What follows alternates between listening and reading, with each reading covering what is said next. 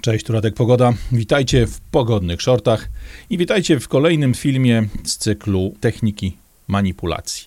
Porozmawiamy dzisiaj znowu o słowach, o znaczeniu słów, bo tak naprawdę jak czasami się patrzy na wynalazki, na pomysły nowoczesnych polityczno-poprawnych dziennikarzy, nowoczesnych polityczno-poprawnych pracowników medialnych, tych media workerów, którzy zapełniają zachodnie anglo-niemiecko-francuskojęzyczne redakcje, to człowiek ma ochotę powiedzieć tylko jedno. Taki stary, fajny cytat z komiksu o Asterixie. Ale głupi ci Rzymianie. Oczywiście te słowa, ale głupi ci Rzymianie, wypowiadał Obelix, gdy para naszych bohaterów komiksu natrafiała na oddział żydkich żołnierzy, próbujących po raz kolejny nieskutecznie napaść na e, wioskę, w którą zamieszkiwali galowie wyposażeni w magiczny napój, dający im nadludzką siłę, nadludzką moc.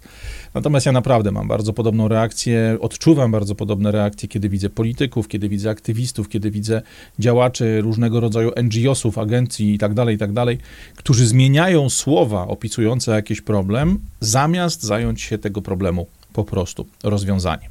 E, znacie mnie od dzisiaj, wiecie więc, że ja nie wierzę jakby, że to jest głupota, no bo aż tak nielogiczni ludzie nie mogliby dostać się tak wysoko, nie mogliby funkcjonować tak sprawnie na poziomie swoich afer, aferek, podgryzanek, zabaw politycznych i tak dalej, i tak dalej. Myślę, że ludzie na tym poziomie to są po prostu niezłe cwaniaki e, i tak naprawdę potrafią bardzo skutecznie wyciągać pieniądze publiczne, do których dostęp mają od lat. Nie są więc na pewno idiotami, nie są więc na pewno upośledzeni, nienormalni, niedorozwinięci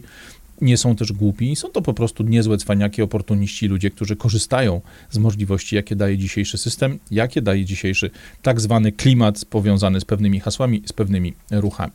Według mnie zamiana opisu słów opisujących dany problem albo zamiana znaczenia słów, do których jesteśmy od lat przyzwyczajeni, słów, które od lat dobrze, wystarczająco dobrze opisują pewne działania, to jest całkiem dobrze działająca metoda manipulacji, manipulacji zarówno percepcją, czyli tym, w jaki sposób pewien pewien temat, pewien problem odbieramy, w jaki sposób trafia on do nas, jak jest przez nas przyjmowany, jak również prosta metoda manipulacji opinią publiczną, bo czasami wystarczy zmienić słowo, czasami wystarczy zacząć używać tego słówka ładniejszego, mniej obciążonego emocjonalnie, żeby było w ten sposób łatwiej pewne rzeczy przepchnąć, schować czy zamaskować jakimiś mało istotnymi elementami. Tak naprawdę te słowa, te zmiany, ta manipulacja na poziomie języka sprawia, że też bardzo często chowane są przed naszymi oczami, maskowane przed nami są faktyczne cele niektórych działań, niektórych projektów, czy wręcz niektórych ludzi, ugrupowań czy partii. Tak naprawdę temat, który dzisiaj będziemy sobie omawiali, temat, który bierzemy dziś na tapet, to jest przykład, naprawdę fantastyczny przykład takiego działania, bo mamy do czynienia z nowym słowem, nowym słowem, które opisuje stary problem, a jest tym problemem kwestia bezdomności. Wiecie, jak dziś mówią i piszą o osobach bezdomnych polityczno-poprawne amerykańskie media, polityczno-poprawni amerykańscy dziennikarze, media workerzy? Nie, nie, nie. Bynajmniej nie używają słowa bezdomny, no bo to byłoby niewłaściwe, to byłoby niewystarczająco nowoczesne. Do określenia tych ludzi wymyślono nowe słowo, słowo, które jest klasyczną orwellowską nowomową, składa się z członów, które niby są rozsądne, niby mają pewien sens, ale są użytkowane po raz pierwszy w nowym znaczeniu. Tym słowem jest słówko unhoused. Jakbyśmy to przetłumaczyli z angielskiego na polski, czy próbowali przetłumaczyć na polski w sposób mało karkołomny, mało kalecząc naszą mowę, to zamiast słowa bezdomny otrzymalibyśmy chyba najbliżej słowo niezadomowany nie niezadomowiony, bo zadomawiać się możemy w domu, który jest nam przeznaczony jako gościowi albo jako jego właścicielowi. Tu mówimy o czynności stricte technicznej, zadomowanie, czyli przypisanie człowieka do miejsca gdzieś w, w infrastrukturze mieszkalnictwa. E, to zadomowanie to jest to nowomowa, to jest to nowe słowo, które ma określić kwestie osób, które akurat w tym wypadku są niezadomowane, czyli nie mają stałego miejsca swojego przebywania, stałego miejsca zamieszkania. I jak sobie popatrzymy na to, jaka jest prawdziwa definicja, ta nieprzeinaczona, ta nieprzerobiona na nowomowę definicja bezdomności, to pewnie się domyślamy, że tak naprawdę mówimy o zjawisku, którego przejawem są osoby funkcjonujące w społeczeństwie albo poza społeczeństwem, bo tacy też funkcjonują, tacy też są między nami, osoby, które nie mają stałego miejsca zamieszkania. Oczywiście ja tu nie mam na myśli osób, które sobie cenią swobodę, które wielbią swobodę, które stale żyją w ruchu. Mamy ludzi, którzy dzisiaj całe lata wręcz spędzają podróżując kamperami z kąta w kąt, znikąd, przemieszczając się przez kontynenty, przemieszczając się e, po świecie, który jest przed, stoi przed nimi otworem. E, tu przykładem takiej osoby, która była bezdomna, a stała się właśnie takim kampingującym, przemieszczającym się stale człowiekiem, który tworzy fantastyczne filmy YouTube'owe, które można godzinami oglądać, jest facet z Kanady, którego na YouTube znajdziecie pod nazwą Foresty Forest. Ten chłopak jeździ po praktycznie całych Stanach, Kanadzie, podróżując ze swoim małym psem, włażąc na coraz wyższe góry, spędzając w trudnych warunkach w zimy, lata i tak dalej, i tak dalej. Człowiek ten zaczął tą swoją przygodę z kampowaniem, czyli inaczej przemieszczaniem się tym kamperem zrobionym własnoręcznie od jakiegoś maleńkiego samochodu dostawczego, w którym był zmuszony zamieszkać pracując dorywczo, bo po prostu zarobiane przez niego pieniądze nie wystarczyły na wynajęcie mieszkania.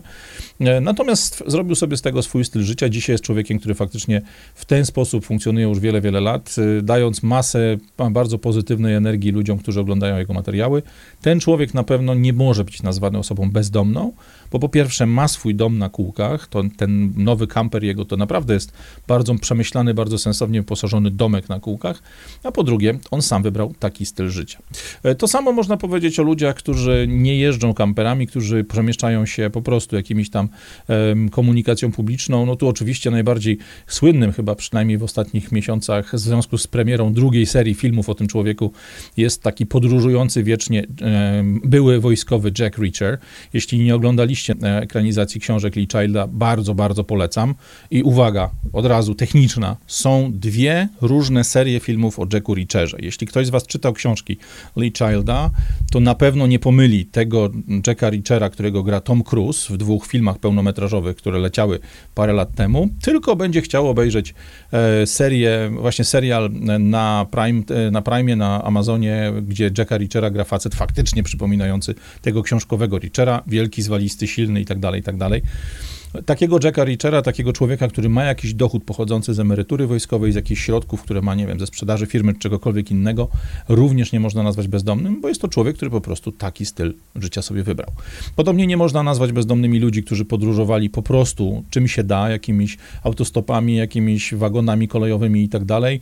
E, czy byli to włóczędzy, czy byli to hipisi, czy byli to różni, różni inni ludzie, osoby o pewnym pomyśle na siebie, który związał się z tym, że właśnie nie mieszkają w jednym miejscu, nie przywiązują się do jednego miejsca, chcą się stale przemieszczać, chcą zobaczyć jak największą ilość świata, czy tam jak największą połać świata, to są wszystko ludzie, których na pewno bezdomnymi nazwać nie powinniśmy.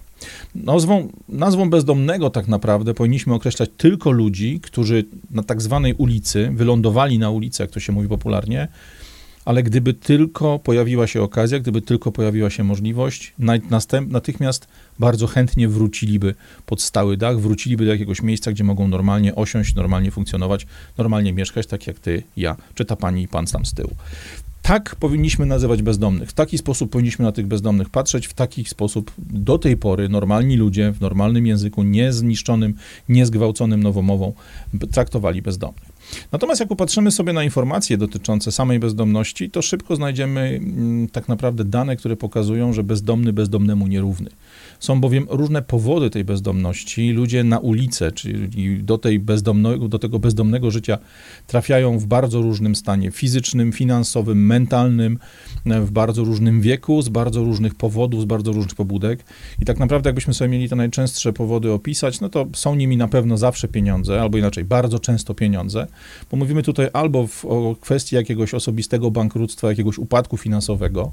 E, I tu powody mogą być różne, od rachunków medycznych, na przykład w amerykańskim bardzo drapieżnym e, systemie, e, jakby tym systemie właśnie ochrony zdrowia, systemie, systemie szpitalnym.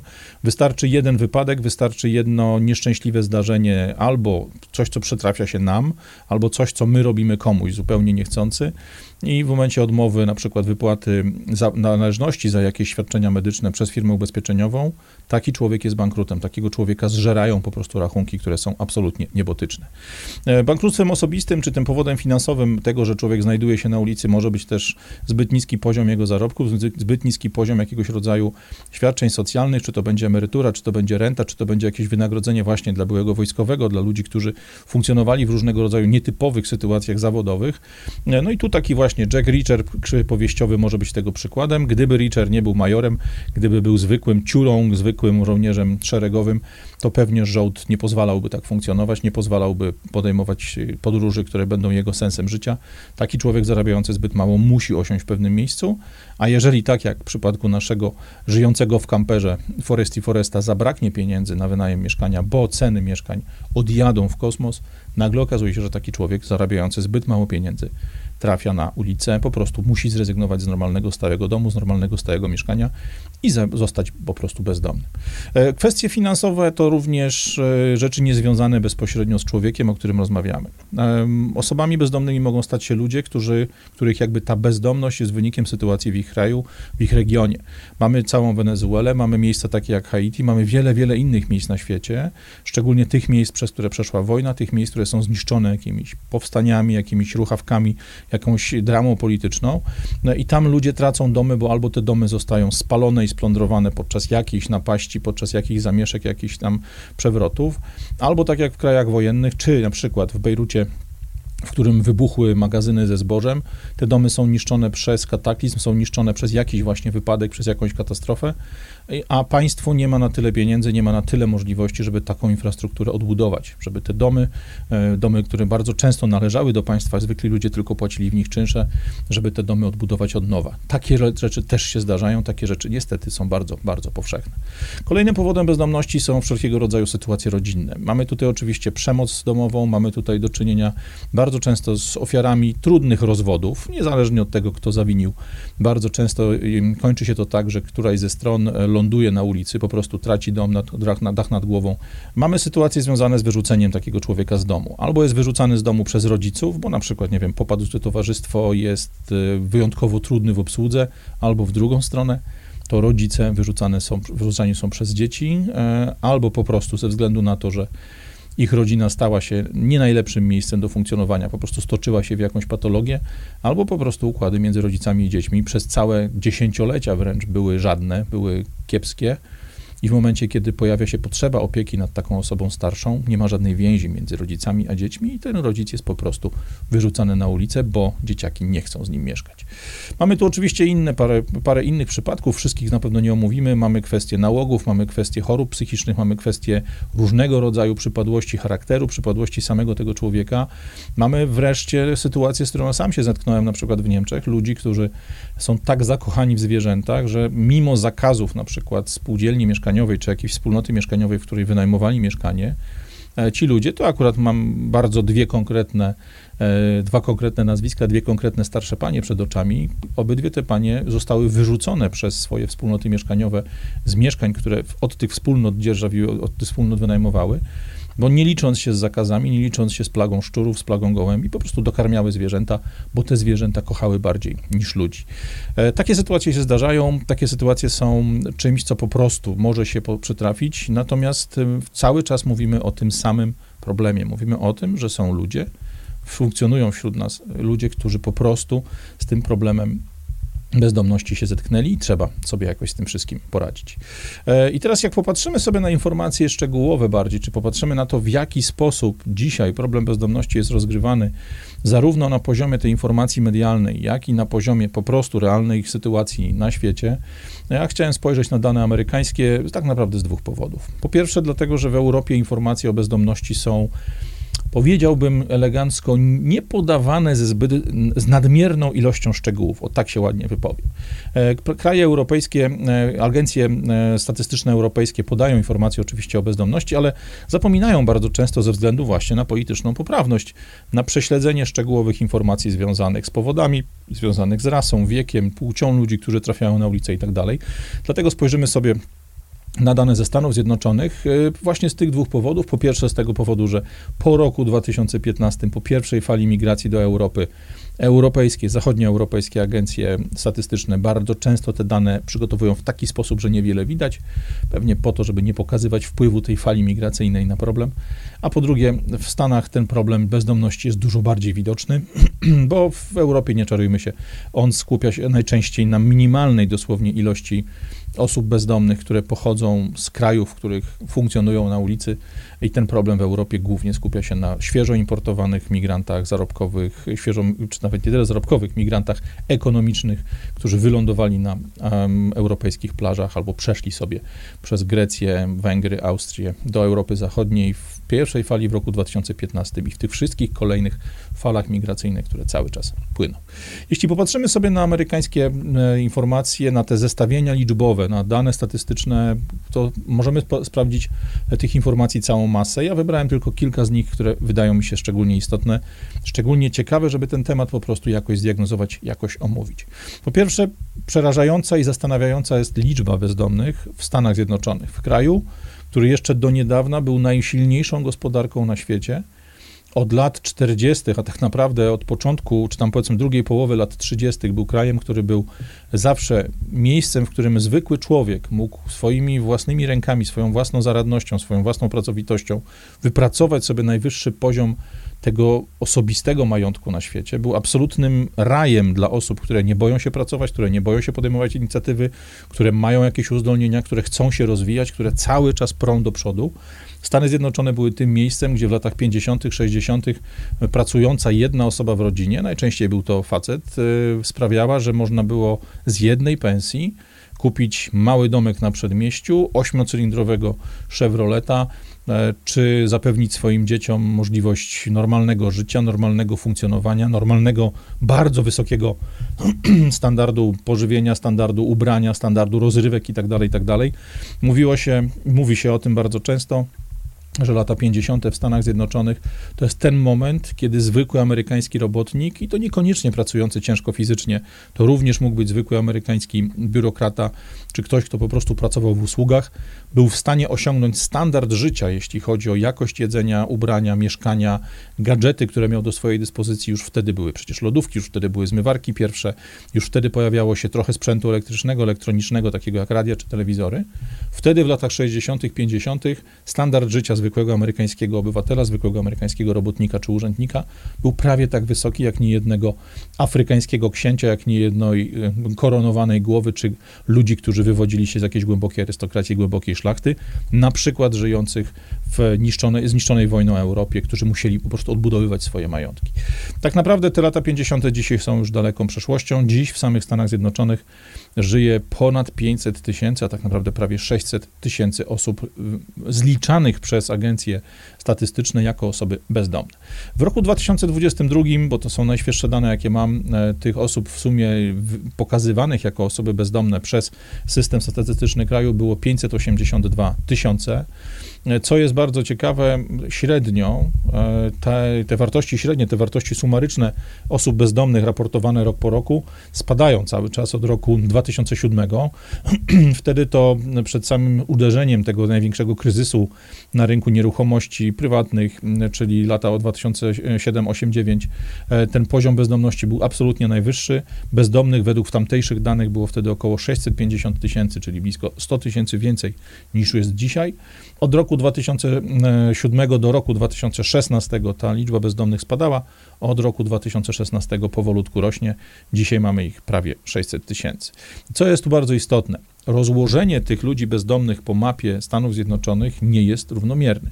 Jak spojrzycie sobie na ekran, zobaczycie, że są pewne miejsca, w których po prostu przepisy socjalne, te zasady wypłaty zapomogi, zasady związane z tym, jak łatwo jest uzyskać pieniądze, jak łatwo jest uzyskać świadczenia, różnego rodzaju food stampy, czyli takie kartki na żywność, kartki na różnego rodzaju podstawowe zakupy, które da się spokojnie wymienić na, na różnego rodzaju narkotyki, używki, papierosy czy usługi seksualne, jeśli jest taka potrzeba. Te stany, które dają najwięcej, mają najwięcej bezdomnych. Jak popatrzymy sobie na tą mapkę, widać wyraźnie Kalifornia 150 tysięcy osób bezdomnych, zarejestrowanych jako bezdomne, co jest ważne, bo ci muszą być zarejestrowani, żeby otrzymywać po prostu darmowe pieniądze z systemu socjalnego. Drugim w kolejce miejscem jest Nowy Jork i okolice. Tu oczywiście podawane są na mapie całe stany, natomiast nie czarujmy się, w tak zwanym upstate New York, czyli tej północnej części stanu praktycznie bezdomnych nie ma, bo tam mamy fajną, dziką przyrodę, trochę rolnictwa, trochę klimatu innego zupełnie niż nam się kojarzy z Big Apple, czyli tym wielkim, wielkim jabłkiem, którym jest Nowy Jork, New York City. Natomiast jeśli popatrzymy sobie na Nowy Jork, na New Jersey, na te okolice, które e, na ten wynik stanu wpływają, to widzimy jasno około 90 tysięcy osób zarejestrowanych, odnotowywanych jako bezdomne mieszkają w obrębie miasta i tych przyległych miejscowości. No, te dwa największe regiony, czyli Kalifornia i okolice Nowego Jorku z samym Nowym Jorkiem, to oczywiste epicentra e, problemu bezdomności w Stanach Zjednoczonych. E, wszystkie następne miejscówki na tej liście są już dużo, dużo, dużo mniej zagęszczone, jeśli chodzi o ilość bezdomnych. Floryda to niecałe 30 tysięcy, Teksas 26 i stan Washington, czyli okolice bardzo na północ i nad Pacyfikiem, najdalej e, na zachód wysunięta, wysunięty fragment Stanów Zjednoczonych, e, stan Waszyngton to jest 21 tysięcy bezdomnych. Pozostałe stany, tak jak widzicie na mapce, tych bezdomnych zarejestrowanych mają znacznie, znacznie mniej, ale to wynika między innymi z tego, że każdy z tych stanów ma trochę inny, trochę swój specyficzny system właśnie wypłacania zasiłków, wypłacania świadczeń socjalnych, który sprawia, że dane miejsce staje się bardziej lub mniej atrakcyjne dla człowieka, który chciałby żyć za darmo. E, bezdomność jest problemem głównie miast y, i tu szczególnie problem ten dotyczy wielkich metropolii. O Nowym Jorku już rozmawialiśmy, natomiast trzeba, trzeba spojrzeć w kwestii choćby Kalifornii na najważniejsze miasto, jeśli chodzi o problem bezdomności, czyli Los Angeles. O ile w roku 2017 tych ludzi zarejestrowanych jako bezdomni na terenie samego miasta Los Angeles funkcjonowało 55 tysięcy, to dzisiaj ta liczba podskoczyła do 65 tysięcy i stale, stale rośnie. Jeśli chodzi o Nowy Jork, to sytuacja trochę się odwróciła. W roku 2017 było ich trochę więcej niż jest dzisiaj, bo 76 tysięcy, dzisiaj 61. Jak więc widzimy, te wielkie metropolie, w których najłatwiej o różnego rodzaju zapomogi, o różnego rodzaju dodatki, o różnego rodzaju miejsca, żeby się choćby schować, przezimować, przeczekać e, złą pogodę i tak dalej, i tak dalej, jest najłatwiej. Im dalej jedziemy w las, im dalej jedziemy w stronę farm, w stronę tego pustej, tej pustej przestrzeni, tym mniej osób bezdomnych. Tam po prostu nie ma skąd zdobyć pieniędzy, nie ma skąd zdobyć darmowego jedzenia, nie ma skąd zdobyć darmowego miejsca do spania i tak dalej, i tak. Jeżeli chodzi o powody bezdomności. Jeżeli chodzi o to, kto to jest, jakie to, jakie to są osoby, w jaki sposób można tą populację bezdomnych osób podzielić w Stanach Zjednoczonych, to tutaj dane też są dość interesujące, bo tak naprawdę samych e, osób, które samotnie funkcjonują jako osoby bezdomne, czyli takie pojedyncze osoby bezdomne, to jest około 420 tysięcy. E, natomiast przerażające jest to, że ponad 160 tysięcy osób funkcjonuje w rodzinach, które jako rodzina mają status osób bezdomnych. Całe rodziny nie mają gdzie mieszkać, całe rodziny mieszkają gdzieś w jakichś opuszczonych budynkach, w jakichś warunkach kompletnie slumsowych, w warunkach, które po prostu zupełnie nie przystoją rodzinie funkcjonującej w najbogatszym kraju świata, czy tym drugim najbogatszym kraju świata, chwilę temu wyprzedzonym przez Chiny. Osób tak, o tak zwanej chronicznej bezdomności, tych, które po prostu bezdomne są od lat i nie szukają dla siebie miejsca, które funkcjonują w jakichś szponach nałogów, szponach alkoholizmu, narkotyków, prostytucji, wielu, wielu innych rzeczach, takich ludzi, którzy nie dążą do tego, żeby tą sytuację swoją zmienić, Amerykanie tą liczbę oceniają na około 127-130 tysięcy. Cała reszta osób, które funkcjonują jako bezdomni, to są ludzie, którzy jak najszybciej chcą się z tego stanu wyrwać, chcą wrócić do tego normalnego obywatelskiego życia. Tu jedynym wyjątkiem mogą być weterani. I weterani to jest temat w Stanach Stanach Zjednoczonych dość specyficzny, bo e, do czasów II wojny światowej weterani w Stanach Zjednoczonych byli otaczani bardzo dużym szacunkiem. Tak naprawdę jeszcze e, ludzie, którzy przyjechali z wojny w Korei w latach e, późnych 50., byli traktowani jako osoby, które broniły ojczyzny, ludzie, którzy stacjonowali na terenie Japonii, na terenie wielu innych miejsc na świecie, czy to w Niemczech, czy w innych tego typu miejscach byli przez amerykańskie społeczeństwo traktowani jako albo bohaterowie, albo po prostu ludzie, którzy wykonują ciężką, trudną służbę dla, dla kraju, dla jego pozycji na, na świecie. Wszystko to zmieniło się w późnych latach 60., w momencie, kiedy rozpoczęła się wojna w Wietnamie. Bardzo wielu żołnierzy, którzy w Wietnamie zostali poranieni, którzy zostali zarówno zranieni fizycznie, jak i odnieśli różnego rodzaju, wrócili stamtąd z problemami psychicznymi, wrócili stamtąd z pokrzywioną psychą, z kompletnie rozsypanym systemem nerwowym i tak dalej. Ci ludzie trafiali bardzo często na ulicę i to trafiali na ulicę jako jednostki odrzucone przez społeczeństwo. Po protestach studenckich, po tej całej nagonce medialnej, tych mediów mocno lewicowych, które po prostu zrobiły ze zwykłych poborowych żołnierzy potwory, które w tej mm, wietnamskiej dżungli dokonywały rzeczy strasznych, Tu nie kłócimy się, dokonywali rzeczy strasznych. Ci ludzie po powrocie zostali odrzuceni. Jeśli ktoś z was widział takie filmy jak Łowca Jeleni, jak Taksówkarz i tak dalej, to ten, ten symbol żołnierza, który wraca z poranioną psychiką, z porąbaną psychiką z wojny i jest dodatkowo odrzucany przez żyjących tu na miejscu w Stanach Zjednoczonych, jak pączki w maśle jego rówieśników. To jest temat, który się przewija, dotyczy zarówno osób, które walczyły w Wietnamie, jak i znacznie później w różnego rodzaju potyczkach, przewrotach na terenie Ameryki Południowej, jak i oczywiście później we wszelkiego rodzaju awanturach, w których Stany Zjednoczone brały udział. Tu mamy do czynienia oczywiście z wojną w Zatoce, e, czyli wojna iracka, Afganistan i te wszystkie, wszystkie miejsca. Tak naprawdę, jak popatrzymy sobie na informacje o weteranach, to dziś na ulicach amerykańskich miast jako osoby bezdomne zarejestrowane jest ponad 33 tysiące weteranów. E, ta liczba weteranów żyjąca jako bezdomne na ulicach znacząco spadła od roku 2010. Wtedy było ich 75 tysięcy, dzisiaj jest ich 35 tysięcy. E, po części jest to związane z tym, że po prostu część tych weteranów właśnie wojny wietnamskiej, czy tych jakby problemów, w które Ameryka pakowała swoich żołnierzy w latach 80., początku lat 90., spora ilość tych ludzi po prostu poumierała. Ta informacja o losie weteranów wojennych, którzy stają się mocnym kontyngentem w ramach e, bezdomności, w ramach osób bezdomnych danego kraju, to myślę jest istotna lekcja dla nas tutaj w Polsce. Nie zapominajmy, że mamy wielu weteranów, którzy dziś, zaraz za naszą wschodnią granicą, siedzą jeszcze w okopach albo z tych okopów już zostali wywiezieni karetkami, zostali już wyniesieni na noszach, czy wyciągnięci, wytargani za szelki ekwipunkowe przez swoich kolegów z jednostki.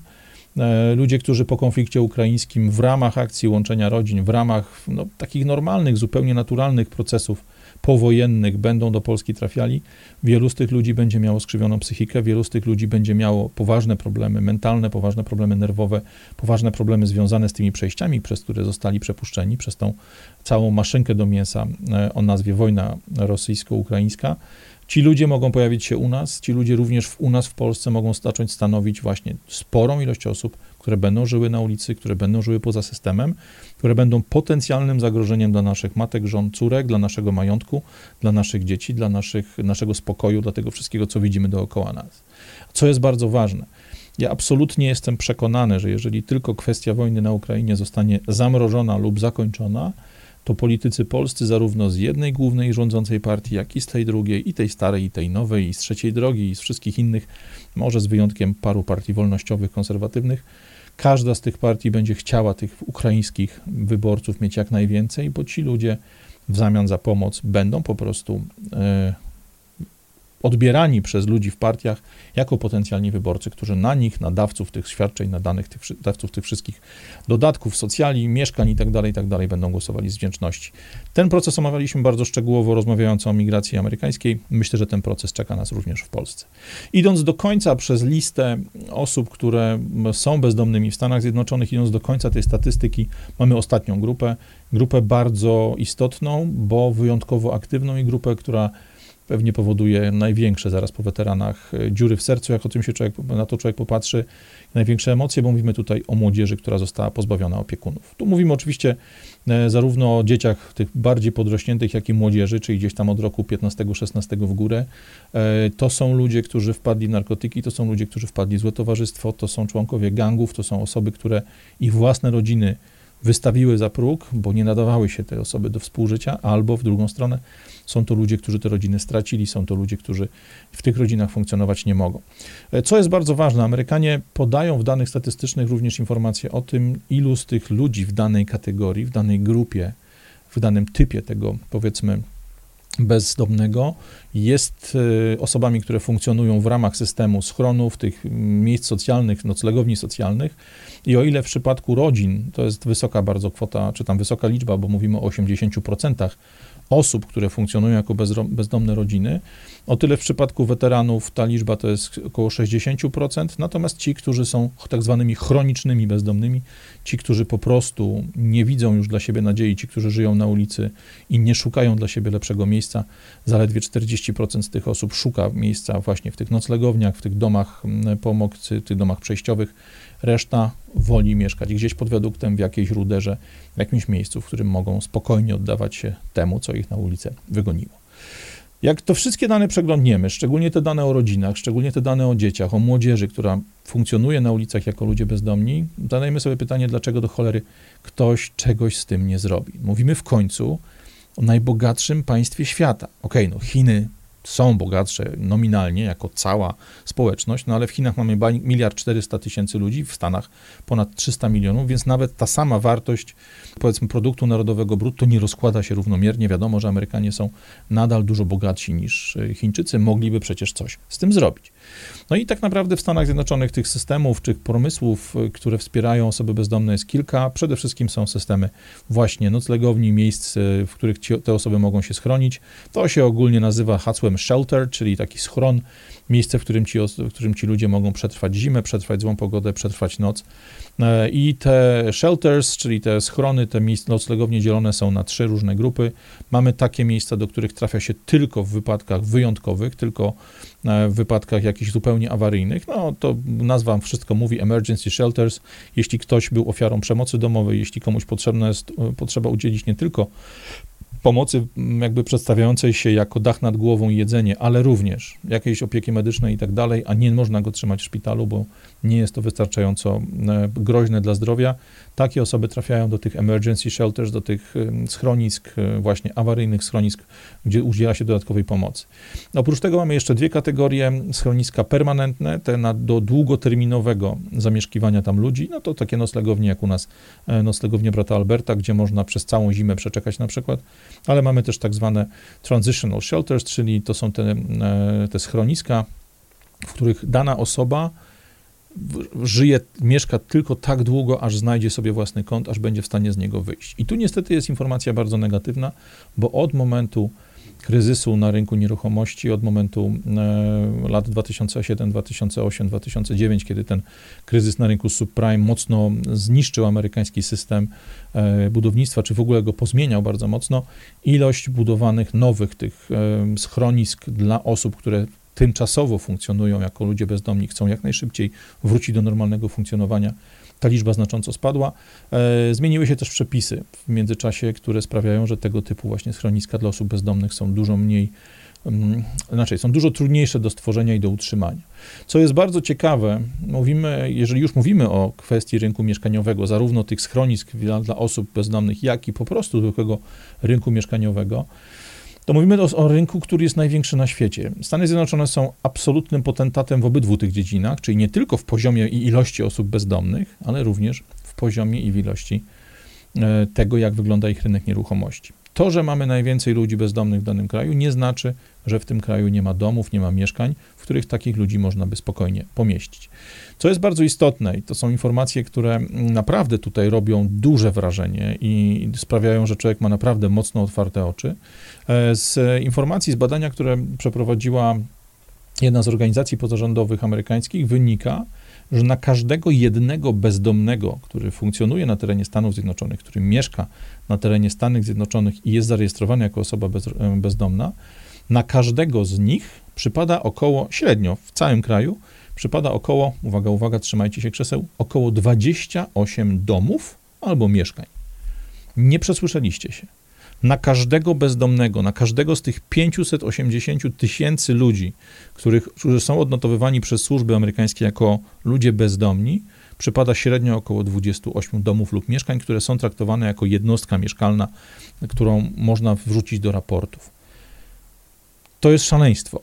To pokazuje, jak bardzo ceny nieruchomości, jak bardzo rynek nieruchomości odjechał od możliwości zakupu, wynajmu, jakiejś dzierżawy, jakiegokolwiek sposobu dostania się na poziom właściciela czy mieszkańca takiej nieruchomości zbudowanej zwykłego człowieka, tego człowieka, który nie ma super talentu, który nie ma super umiejętności, któremu się coś w życiu nie powiodło.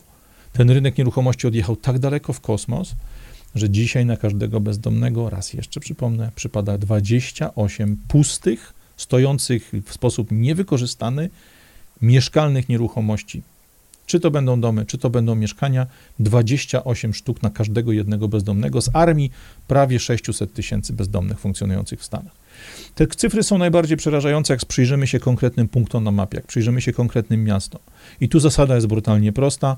Im mniej atrakcyjne miasto, im gorszą ma renomę, im gorszą ma infrastrukturę, gorsze wynagrodzenia, gorszy przemysł, gorsze warunki do życia, tym więcej jest tych nieruchomości, tym więcej domów, tym więcej mieszkań czeka na, na tych bezdomnych. Inaczej czeka. Te mieszkania stoją i czekają na ludzi, których będzie na nie stać, ale tak naprawdę to nie bezdomni mogą je dotknąć, nie bezdomni mogą tam zamieszkać. Te mieszkania czekają po to, aby kupił je ktoś z pieniędzmi. Jak to wygląda w szczegółach? No, mapka jest przerażająca. Sami widzicie pewne cyfry, ja tylko podrzucę wam kilka przykładów. Numerem jeden absolutnym i niepodbitym jest Detroit, stolica, amerykańska stolica przestępczości. E, Detroit w stanie Michigan ma około 116 wolnych, niesprzedanych, niewykorzystanych mieszkań czy domów na przeliczeniu na jednego bezdomnego, średnio oczywiście na bazie jakichś tam kalkulacji. Następnym na liście jest miasto Syracuse w stanie Nowy Jork, tam tych mieszkań, domów jest 110 na każdego bezdomnego. Kolejnym na liście St. Louis e, w Missouri 98 wolnych domów, 98 wolnych mieszkań na każdego pojedynczego mm, bezdomnego. Co ciekawe, nawet Floryda, uznawana przez wielu ludzi za najpiękniejsze miasto, miejsce na świecie, zaraz po Kalifornii i paru karaibskich wysepkach, nawet na Florydzie, w miejscowości Lakeland, y, znajduje się ponad, czy inaczej, prawie 100 nieruchomości, niewykorzystanych nieruchomości, niezajętych w przeliczeniu na bezdomnego, na średniego bezdomnego ze Stanów Zjednoczonych. Tu ważna jest rzecz. Nawet duże miasta, miasta popularne, miasta, w których jest bardzo dużo usług, bardzo dużo firm, bardzo dużo życia, takiego ruchu biznesowego, takie miasta jak Chicago, jak Baltimore e, czy jak Orlando na Florydzie, nawet te miasta spokojnie mają po 50, po 40, po 60 mieszkań, po 60 pustych nieruchomości, które teoretycznie mogłyby trafić do bezdomnych, no ale wiadomo, nie trafią, bo nie taka jest ich rola. Te nieruchomości mają iść do sprzedaży. Te nieruchomości mają być wykorzystane do tego, żeby ktoś, deweloper czy inwestor, zarobił na nich konkretne pieniądze. Tyle danych szczegółowych, no ale teraz zadacie mi pytanie, no dobra, stary, po co nam to mówisz, tak? Czy tylko po to, żeby nam powiedzieć o tym, że jest takie słówko jak unhoused, jak człowiek niezadomowany, tak? E, czy tylko po to, żeby nam pokazać coś interesującego przed końcem roku, jakąś ciekawostkę, którą możemy, nie wiem, przy piwie, czy podczas rozmowy przy jakimś tam ekspresie do kawy w biurze wystrzelić wśród znajomych. Tak naprawdę powody tego, że wam to pokazuję, są dwa. Po pierwsze, i to jest bardzo smutny powód, to jest to, że ta rzeczywistość czeka nas, moim zdaniem, z absolutną pewnością. Musimy sobie jasno powiedzieć, że cały Zachód, w tym Polska, jako członek Unii Europejskiej, członek NATO, E, państwo, które funkcjonuje w tej kulturze zachodniej, funkcjonuje jako jeden z krajów, który może być celem takich wędrówek ludów, my powinniśmy sobie jasno zdać sprawę, powinniśmy sobie jasno powiedzieć o tym, że ta przyszłość, którą dzisiaj widzimy we Francji, dzisiaj widzimy w Stanach Zjednoczonych, w Anglii, w Niemczech, w Belgii, w Holandii, w wielu, wielu innych miejscach na świecie, dzięki decyzjom, czy przez decyzje polityków, zarówno Morawieckiego, jak i dzisiaj Tuska, ta przyszłość niestety nas czeka.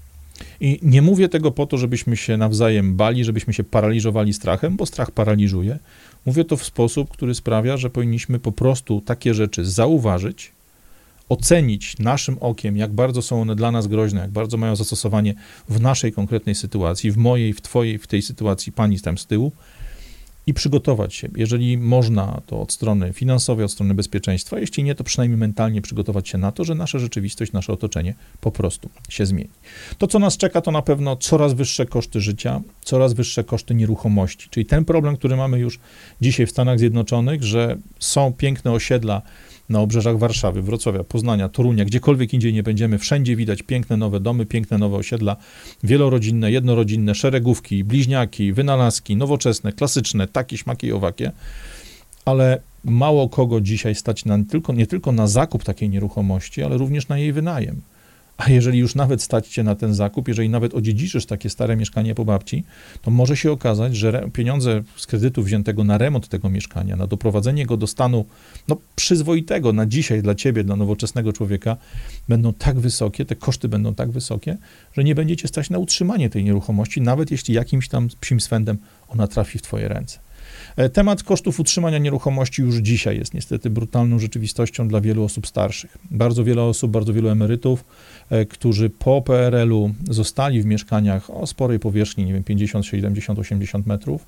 E, ci ludzie, szczególnie jeżeli rodziny już w Polsce nie ma, albo po prostu ta rodzina już umarła, jeśli mają jakąś tam marną emeryturę, albo mają jeszcze dodatkową jakąś rentę po, po swoim małżonku, czy jakieś inne świadczenia, Ci ludzie dzisiaj są zmuszani przez rosnące koszty życia, rosnące koszta leków, opieki zdrowotnej, rehabilitacji i miliona innych rzeczy, są zmuszani do tego, żeby na przykład brać tak zwaną odwróconą hipotekę.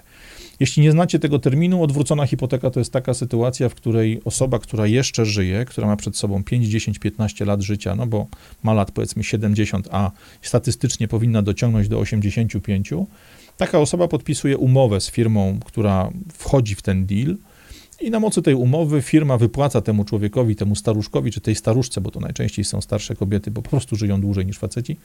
Taka firma wypłaca tej staruszce 1000, 1200, 1500 zł dodatku do emerytury, który pozwala jej do śmierci normalnie żyć, funkcjonować na poziomie, który pozwala na zakup opału, na zakup leków, na zakup jedzenia, na opłacenie wszelkiego rodzaju kosztów. Natomiast w momencie śmierci tej osoby mieszkanie, w którym ten człowiek mieszkał, natychmiast staje się notarialnie własnością firmy, która inwestowała w takiego staruszka przez ileś tam lat, w taką staruszkę przez ileś tam lat. Mamy dzisiaj sytuacje związane z kompletnym szaleństwem, jeśli chodzi o koszty opieki zdrowotnej. Oczywiście mówi się, że w Polsce leczenie jest za darmo i tak dalej, i tak dalej. No sorry, wiemy jak jest. Jeśli chcemy mieć zęba naprawionego, zanim odpadnie nam cała szczęka, to musimy wydać na to 200, 300 albo 800 zł, jeśli pojawia się leczenie kanałowe.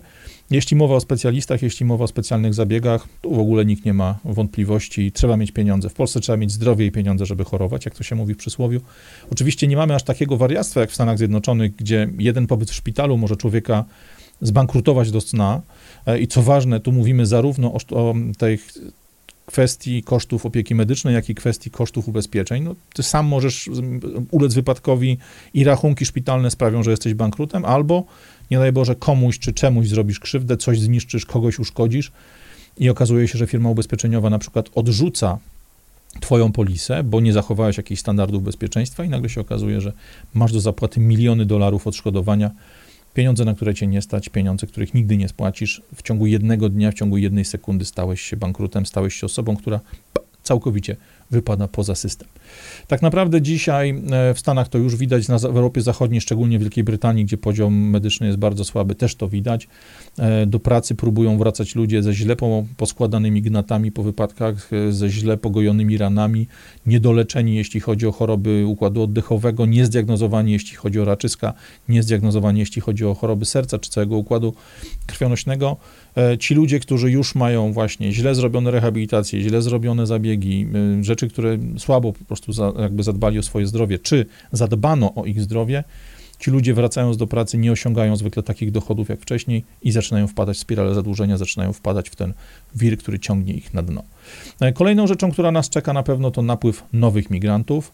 I to mówiąc o nowych migrantach, nie mówię o większej ilości e, Ukraińców czy o Białorusinach, mówię o ludziach z dalekich krajów. Mówię o ludziach z Afryki, zarówno tej Afryki Północnej, gdzie mamy tą e, ludność arabską, jak i z, Ameryki, z Afryki tej niższej, nad Zatoką Gwinejską, z Sahelu, z tej południowej części, gdzie mamy no już Afrykę około równikową, ludzi o jeszcze ciemniejszym kolorze skóry, wychowanych w zupełnie innym systemie wartości, w zupełnie innej kulturze niż nasza, ludzi, którzy nie będą w stanie w żaden sposób zrozumieć, jak się tu funkcjonuje.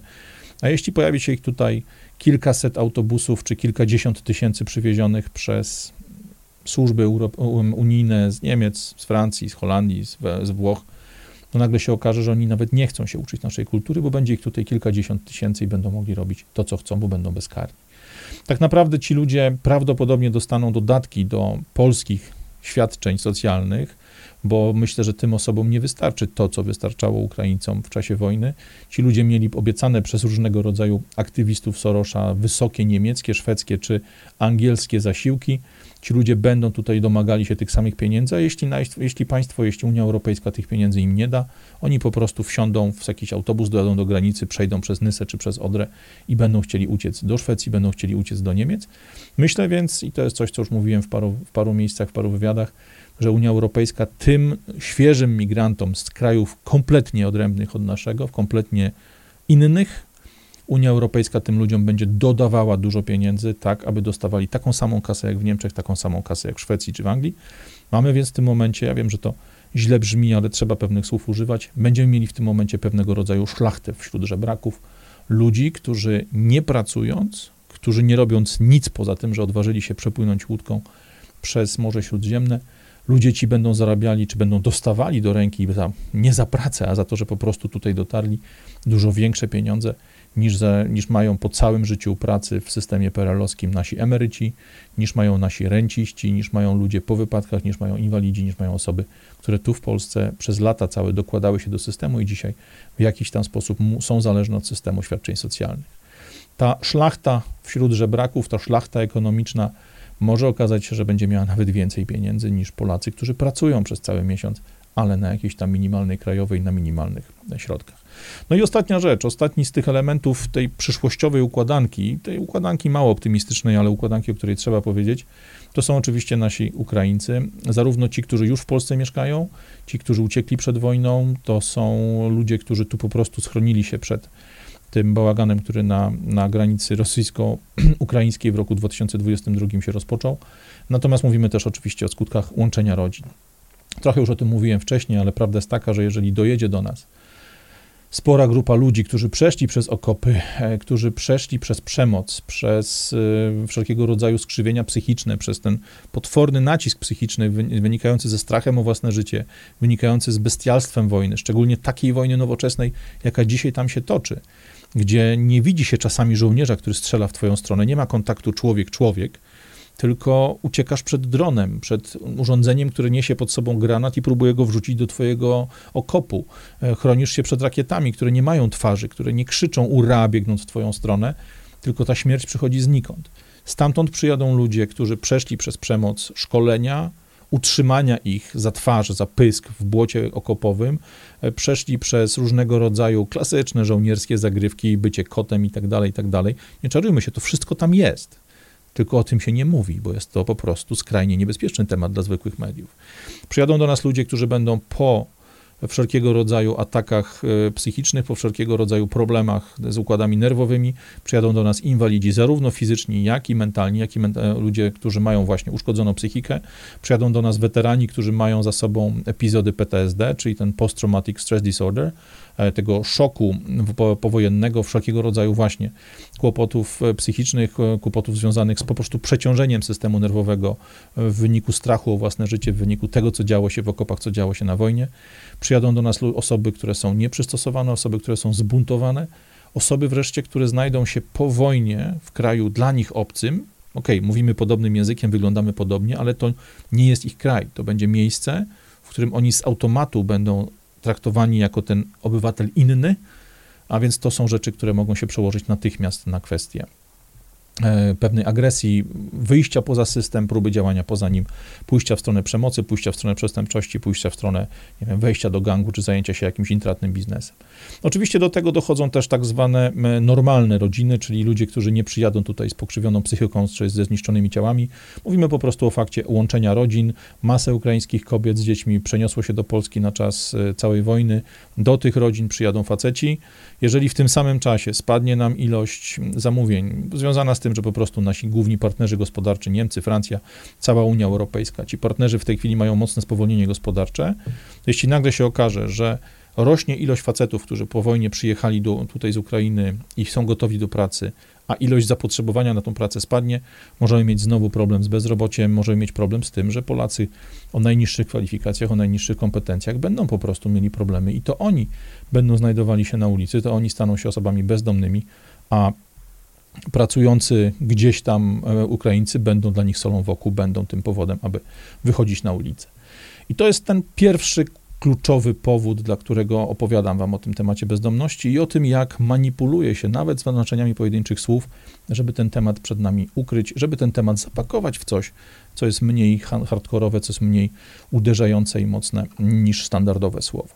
Natomiast ten drugi powód jest y, równie nieciekawy, ale również muszę się nim z Wami podzielić, bo ten plan obejmuje niestety cały świat. Oczywiście jego głównym celem jest szeroko pojęty Zachód. Tu mówiąc o Zachodzie, tak jak w przypadku całej serii o migracji, mówimy oczywiście nie tylko o krajach na zachód od nas, czyli Niemczech, Francji, a Stanach Zjednoczonych, Kanadzie i tak dalej, ale również na tych krajach zachodnich, które leżą na wschód od nas, czyli Australii, Nowej Zelandii, e, tych miejsc, w których ta europejska kultura sporo zrobiła. E, prawda jest więc taka, że jeżeli ci władcy, prawdziwi władcy świata zaplanowali to dla nas, dla całego Zachodu, to po prostu my przed tym nie uciekniemy. Co więcej, nie da się przed tym problemem uciec, nawet przenosząc się do innego kraju, nawet imigrując do tych typowych krajów, które zawsze były dla Polaków celem ich emigracji, celem tego wyjazdu do lepszego świata. Stany Zjednoczone już wiemy, jak wyglądają, bo po pierwsze mówiliśmy o nich w kwestii w całej serii o migracji, po drugie nawet dzisiaj widzieliśmy dokładnie, jak wielu ludzi żyje na ulicy, jak wielu ludzi nie stać na to, żeby skorzystać z stojących pusto mieszkań. Kanada to samo, Niemcy to samo, choć tu dużo mocniejsze zabarwienie e, związane z, ze stroną etniczną, czyli wszelkiego rodzaju importy, osoby importowane z krajów arabskich, osoby importowane z krajów Afryki Czarnej i tak dalej, i tak. Francja, oczywiście problemy z ludźmi, którzy przyszli z dawnych kolonii, Wielka Brytania podobnie, Holandia, Belgia, te dwa kraje są najbliżej tego, aby stać się po prostu muzułmańskimi kalifatami na terenie Europy, bo tam odsetek osób tego wyznania, odsetek, które bardzo mocno się komasują, bardzo mocno się scalają wokół religii islamskiej jest bardzo, bardzo duży. Jeśli chodzi o kraje nordyckie, czyli Szwecję głównie, e, czy Danię, no to tutaj sytuację znamy. Wiemy już dzisiaj, że szwedzki rząd, nowy rząd zamierza użyć wojsko, zamierza rozpocząć projekty związane z deportacją i tak dalej, i tak dalej. Wszystkie te kierunki zwykle dla nas były takim naturalnym kierunkiem ewentualnej ucieczki, naturalnym planem B, miejscem, do którego można się przenieść, jeżeli tu życie stanie się nieznośne. One już dzisiaj nie istnieją. Te zmiany tam posunęły się znacznie dalej, te zmiany tam są dużo bardziej dogłębne. E, trzeba wybrać inne kierunki i to dobra informacja. O tych kierunkach będziemy mówić. Będziemy mówili o krajach, teraz na początku stycznia, będziemy mówili o krajach, w których można przenieść swój, do których można przenieść biznes, do których można się wyprowadzić, w których można znaleźć miejsce dla swojego majątku, dla, dla siebie, dla swojej rodziny, dla swoich dzieci, gdzie można, mieszkając nadal w Polsce, prowadząc tu jakąś firmę, na przykład wysłać dzieciaki do szkoły z internatem e, i to daje tym dzieciakom nie tylko bezpieczne miejsce do życia, ale również pozwala uzyskać obywatelstwo tego kraju, pozwala uzyskać drugi paszport i tak dalej.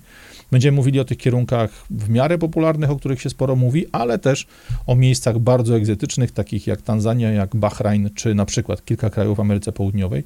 Będziemy też mówili o miejscach zupełnie, zupełnie nam bliskich, takich jak Norwegia, takich jak choćby Szwajcaria i od Szwajcarii na pewno zaczniemy, bo to wyjątkowo ciekawy pomysł.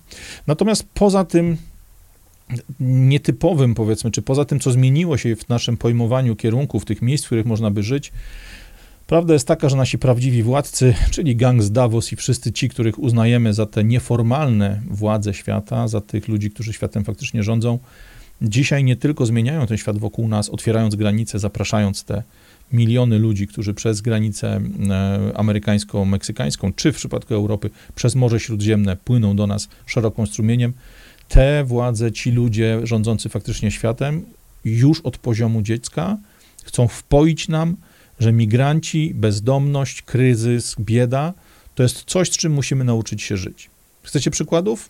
Proszę bardzo. E, dwa materiały dla Was, króciutkie, firmowe. Pierwszy z nich to jest takie zestawienie reklam z francuskiej i francuskojęzycznej, ale belgijskiej telewizji e, i z portali internetowych.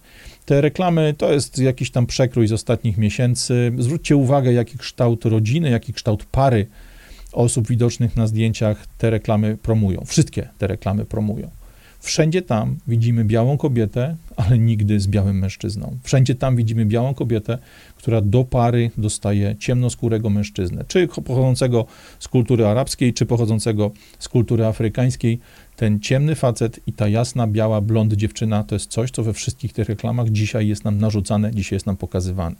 Takie same zestawienie mógłbym wam pokazać z reklam z rynku brytyjskiego, mógłbym to pokazać z innych miejsc na świecie, nawet Niemcy, e, czy nawet w naszych mediach pojawia się coraz częściej ciemnoskóry model, ciemna skóra modelka, najczęściej niestety ciemnoskóry model. I ten model rodziny, w której białe kobiety są miksowane z mężczyznami z innych kultur, to jest zrealizowanie planu, który dawno, dawno temu pan Kalergi i wielu innych wizjonerów takich jak Spinelli, jak paru innych, mieli dla Europy. My mieliśmy stać się szarą masą, a nie osobnymi narodami, które mają swoją kulturę, tradycję, swoją patri swój patriotyzm. To wszystko miało się schomogenizować, to wszystko miało się zlepić, zlać w jedną lekko brązową masę ludzi o, o braku poglądów, o braku narodowości, o braku przynależności innej niż przynależność europejska. Co jest bardzo ciekawe w tych zestawieniach reklam, nie wiem czy wyłapaliście tą klatkę, ale teraz wam ją specjalnie pokażę.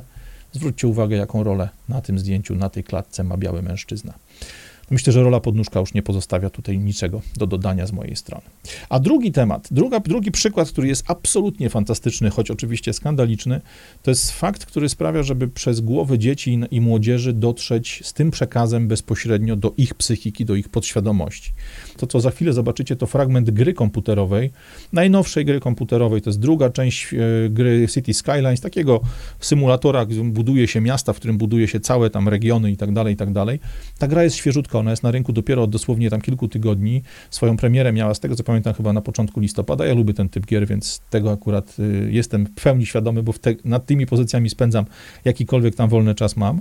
Natomiast co jest bardzo ważne, mamy drugą część fantastycznie przyjętej na całym świecie gry, gry, która jest przeznaczona dla ludzi w wieku powiedzmy od nastolatków do starych facetów takich jak ja, no powiedzmy starszych facetów takich jak ja.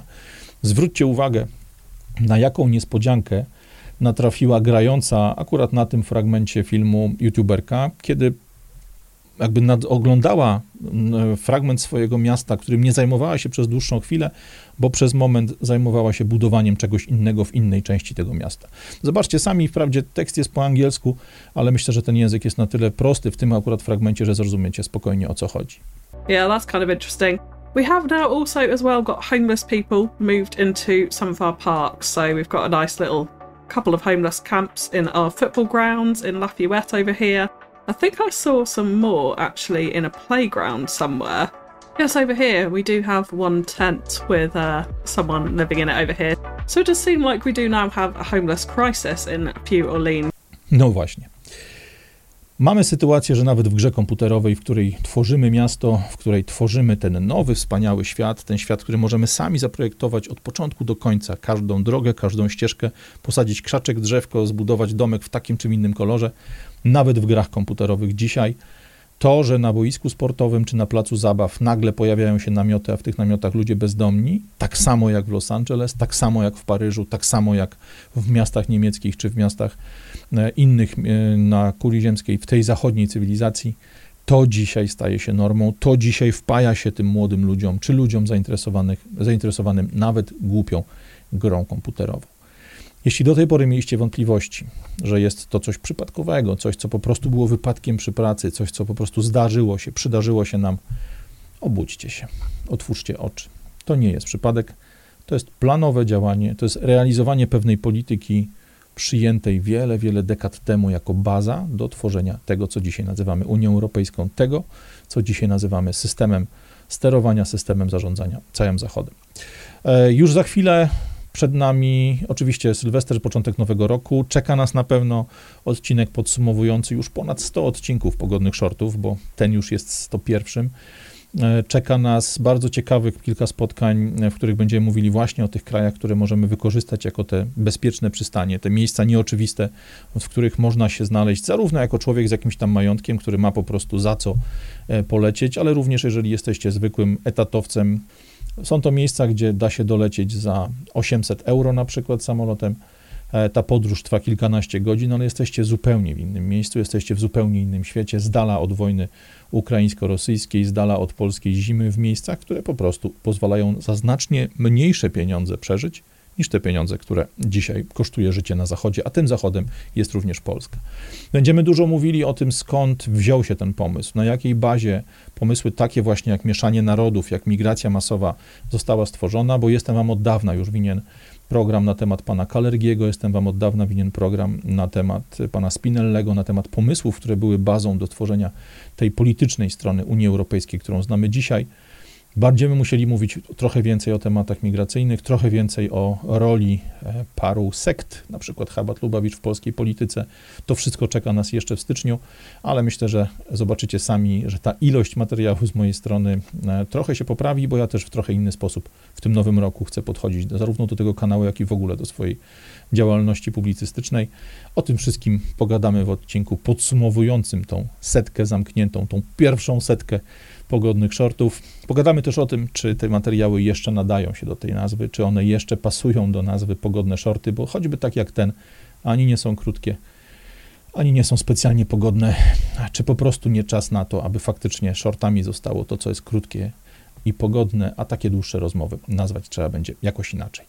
Bardzo Wam dziękuję za cierpliwość, bardzo Wam dziękuję za uwagę. Patrzmy dookoła siebie, bo te zmiany już się dzieją. Pod awanturą o telewizję rozegrano nam przed nosem, grając nam na nosie pakt migracyjny Unii Europejskiej. Tusk, jednym z pierwszych dokumentów, które podpisał jako premier, było właśnie zgoda na tym pakcie, to wszystko, wszystko się już dzieje. Przerażające jest to, że to nie jest tylko wina Tuska, jak to było hasłem pisowców, bo Morawiecki podpisałby to samo tego samego dnia i w ten sam sposób, po prostu zmuszony przez wcześniej podjęte decyzje związane z finansami, związane z KPO, związane z Fit for 55, czy funkcjonowaniem Polski w ramach struktur Davos, w ramach struktur Agendy 2030 i tych wszystkich organizacji, o których mówiliśmy już nieraz, nie tylko w serii poradnika foliarza. Dziękuję Wam bardzo, zapraszam na kolejne odcinki, niezależnie od tego, czy będą się nazywały pogodne shorty, czy jakkolwiek inaczej. Widzimy się już za moment, widzimy się już za dosłownie kilkanaście godzin. Radek Pogoda, trzymajcie się, cześć.